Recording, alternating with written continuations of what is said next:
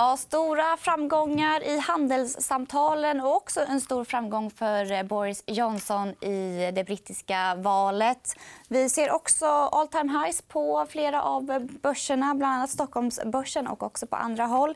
Glada tider denna fredag. Det är också Lucia. Det är den eh, 13 december och det är fredag. Här i studion ska vi däremot fokusera på investmentbolagen. Välkomna till EFN Börslunch.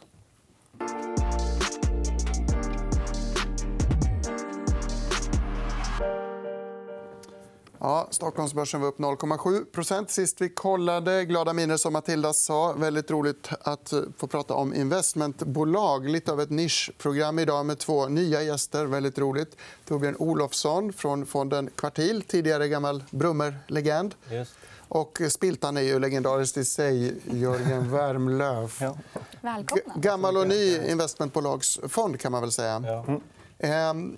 Varför sjösätter ni en sån här produkt? Eh, ja, eh, det är ett gammalt intresse. faktiskt. Jag har handlat eh, investmentbolag tidigare när jag var på Brummer. Då, lite grann. Men sen, allmänt sett så tror jag att det är ett rätt bra sätt att investera och få exponering mot svenska börsen att investera i investmentbolag. För de har ett antal egenskaper som är rätt attraktiva. Man får mm. både noterat och onoterat, stora och små bolag. Man kan ofta köpa dem med rabatt. Ehm, man får, man, oft, många av de här bolagen har ju också väldigt engagerade huvudägare. Så att man får ju någon sorts governance-struktur på köpet. Och sen är förvaltningskostnaderna har, har ju kommit ner rätt dramatiskt också. Så att sammantaget är det rätt, rätt bra förutsättningar. Tycker jag. Nu har du gett ett intro för hela programmet. Vill du lägga till någonting? Ja, men vi, vi, vi håller med. Och vi, det var det som var skälet till att vi startade eh, eh Spiltan Aktiefond Investmentbolag 2011. Då. Eh, att vi ville, få, vi ville skapa en intressant fond eh, som skulle kunna ge ett alternativ till en indexfond. Egentligen. Mm. Och du får ju då, genom investmentbolagen så får du exponering som, som liknar börsen fast med, med, med en annan twist på det som vi tyckte var intressant. Som, som, och dessutom, en, en indexfond blir ju index minus en avgift. Men här eh, hade vi då förutsättningar att faktiskt kunna göra något som kan slå eh, index. Då. Mm. Jag som gillar att göra saker själv frågar ju dig innan här, varför ska man köpa en fond om man kan köpa investmentbolagen själva. Varför tror du att det finns ett intresse för det här? Ja, vi har ju märkt att, att det är uppskattat av, av, våra kunder. Fonden har vuxit i storlek. Och jag tror att eh, vi har nått en ny typ av kund med, med den här fonden. Eh, för att eh, De som kanske aldrig köpt en fond tidigare som köpte investment fastighetsbolag själv tycker förmodligen att eh, det kan vara praktiskt att månadsspara till exempel, i en sån här produkt. Eller om man har sparat till barnbarn eller någonting sånt. Så, så, ehm, så det är jättekul. Vi ska ta och dyka ner i fondernas innehav så får tittaren själv avgöra hur man vill gå tillväga. Vi börjar med kvartilmixen. Se om vi kan få upp den. Där har vi den. Kanske lite svårt att se, men en rad svenska investmentbolag, kända namn och eh, toppat med lite industrikonglomerat som Indutrade, bland annat. Eh, kan man säga något övergripande? Var det svårt att välja hur man viktar var man lägger pengarna? Eh, det, sto den sto det stora vägvalet man får göra är egentligen var... Investor är så dominant så att de är nästan hälften av, av eh, marknadsvärdet i hela sektorn. Eh, och starta en fond där man kanske har 50% i ett bolag känns inte jättebra. Det är nummer ett. Och nummer två är att inspektionen skulle inte tillåta det helt enkelt för att det skulle bli för stor koncentrationsrisk. Så det är nästan en akademisk fråga. Man måste dra ner Investor. Och sen handlar det väl om hur man smetar ut Investors del på, på de andra bolagen egentligen i, i allt väsentligt. Om, om vi går vidare till Spiltans eh, mix så, att säga, ja. så ser vi att Investor och där även industrivärden är väldigt tungt viktade. Där får man ungefär hälften i de här två jättarna. Har du någon reflektion över det? Ja, precis. När, när vi startade fonden så, så eh, det som var utgångspunkten var att eh, vad vi skulle få för underliggande portfölj eh, när man gjorde kombinationen av investmentbolag. Med, och sen så företräde då till, till bolag som har större andel eh, börsnoterat underliggande. Eh, så att, ehm, det var tanken då, när vi startade fonden. Därför fick industrivärden en, en större vikt. Också. En annan grej jag reagerade på var att ICA finns med här. Det tänker man kanske inte instinktivt på som ett investmentbolag. Nej, just det. det hette ju Hakon Invest tidigare. Eh, och vi, har eh, valt, vi tycker det fyller en viktig funktion i fonden. Du får en, en stabilitet, ett konsumentkonglomerat egentligen med, med dels liksom ICA-butikerna men även apotek, och fastigheter och bank. och så. Eh, mm. Som, som, ehm, så den, den, har fyllt en funktion i fonden. En fråga till när vi snackar innehav. EQT, jag är inte säker på att EQT hör hemma här. Det är ett private equity-bolag, inte direkt ett investmentbolag. Skulle det kunnat platsa? Fanns det på kartan att ta in det när de börsnoterades? Eh, det, det, skulle kunna. Vi har, vi har inte eh, satt ner foten. så. Eh, men, men eh, I dagsläget inte. Men, men Eh, det finns aspekter i dem som är intressanta. Hur har du resonerat? Ja, ja, vi har fått den här frågan faktiskt av, av ganska många. Men, men för, för, mig är det, det är lite ett steg för långt bort från källan, bolagen. För att man får ingen exponering mot, mot eh, bolagen som köps i, i deras fonder. Utan det är i allt väsentligt ett förvaltningsbolag. Så att det, jag tycker kanske inte att det passar in i, i, i det här gänget riktigt. Vi ska titta på hur det har gått för investmentbolagen. Vi ska titta på deras avkastning. Och det har ju gått väldigt bra. Framförallt så har ju börsen också gått bra i stort. vilket är en anledning. Vad finns det för mer anledningar till att investmentbolagen lyckas leverera så här bra? Ja, de, de har ju framförallt gått väldigt, väldigt bra de sista 6-7 åren. Och det, det är ett antal sammanhängande faktorer, eller ett antal faktorer som har gått bra samtidigt. egentligen. Och det har att göra med att eh, Först har ju börsen gått bra i allmänhet.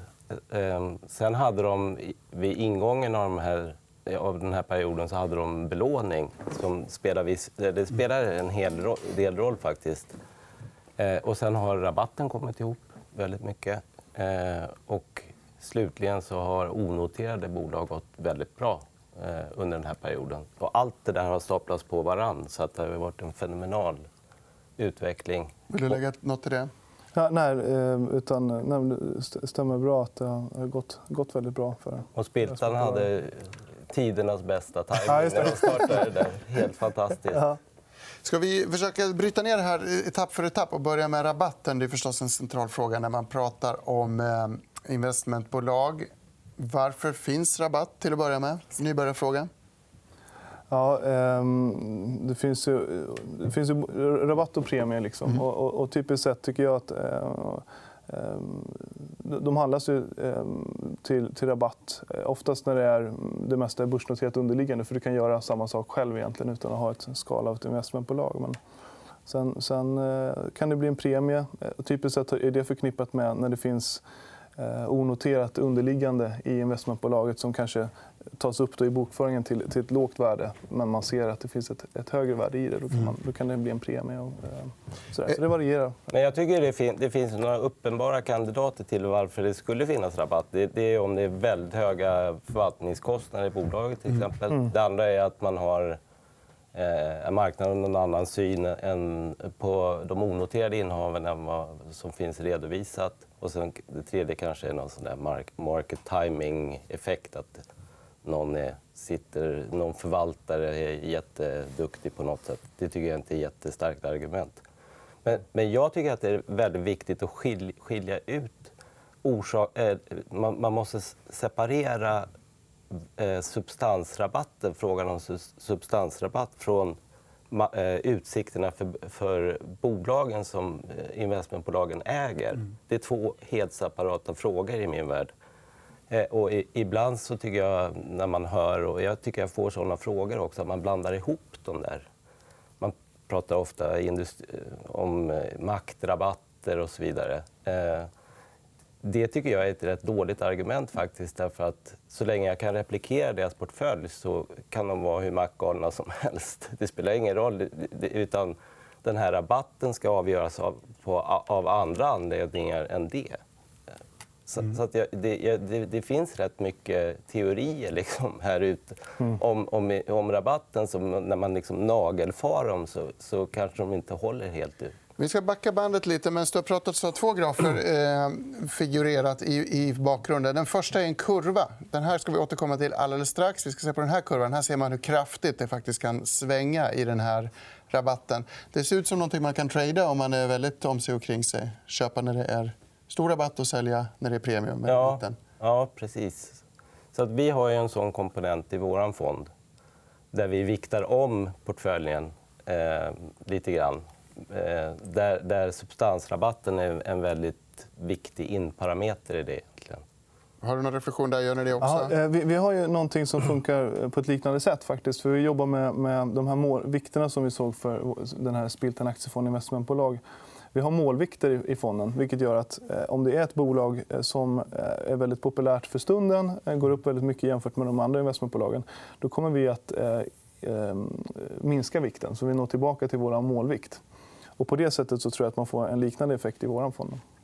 Då ska vi se. Torbjörn, kan du förklara den tabell vi såg som var lite svårbegriplig? Vi kanske får upp den igen. Så där ser ja, den kanske är lite stökig.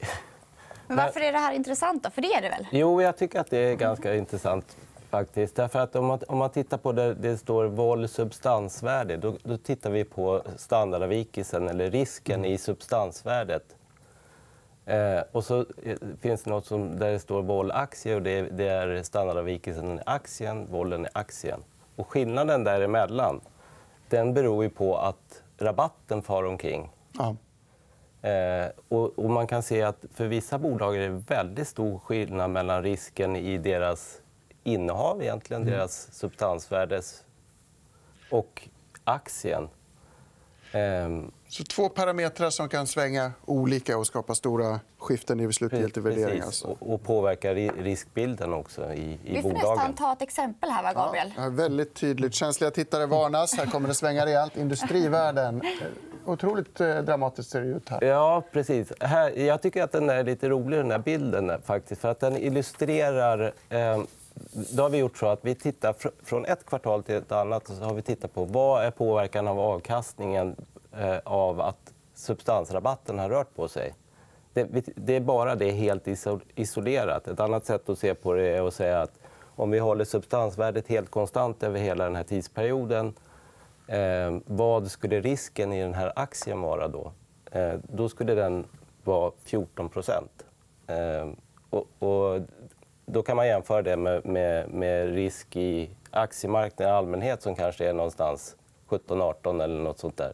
Så man förstår... Eh, den där bilden tycker jag visar att, att man förstår att, den här, att rabattens förändring spelar en väldigt stor mm. roll i de här bolagen. Mm. och Det på, påverkar dem rätt mycket.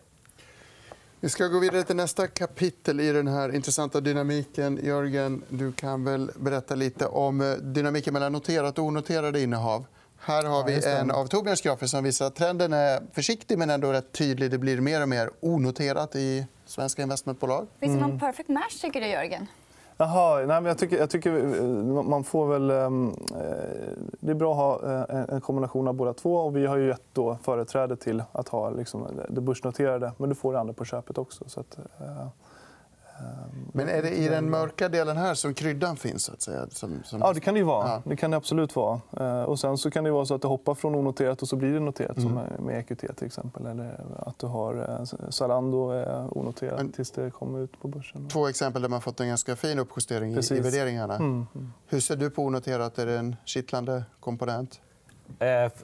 Ja, jag tror det på ett allmänt plan. För vår, alltså när det gäller våra, de här strategierna som vi har, våra taktiska strategier så är det bättre ju mer som är noterat. egentligen. Men, men eh, som ägare av bolagen så tror jag att det kan vara rätt attraktivt. Eh, faktiskt. Och man får det billigt. Det är rätt mm. kul jämförelse med just med EQT till exempel.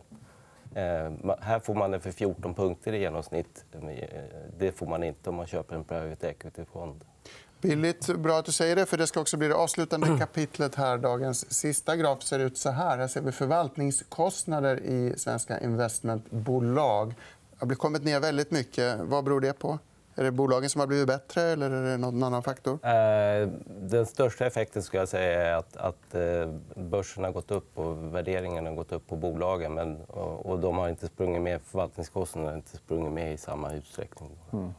Har du någon reflektion där kring pris? Prisförvaltningskostnad. Ja, vi har ju... Ja, att de, det, det är ju andra vikter i den här liksom, portföljen som du utgår från. Men, men definitivt är de relativt låga, skulle jag säga. Mm. Så att det, nu, nu, nu ska vi sätta punkt. Så tänkte jag behålla Jörgen för en liten odyssé på de internationella eh, investmentbolagsmarknaden. Matilda, vad tror du om det? Men då tycker jag vi behåller Torbjörn också sen och pratar lite maskininlärning. Ska vi inte göra det också? Ja, det kan vi göra. absolut. Vi kör en liten extra sändning. Vi drog över lite tiden. Sätter punkt för idag. Vi är tillbaka med en bonus ifrån idag. Och annars på måndag klockan 11.45 som vanligt. Då kommer Jon Hyltner och Viktor Henriksson för att snacka småbolag. Häng med oss då. Glad Lucia och trevlig helg.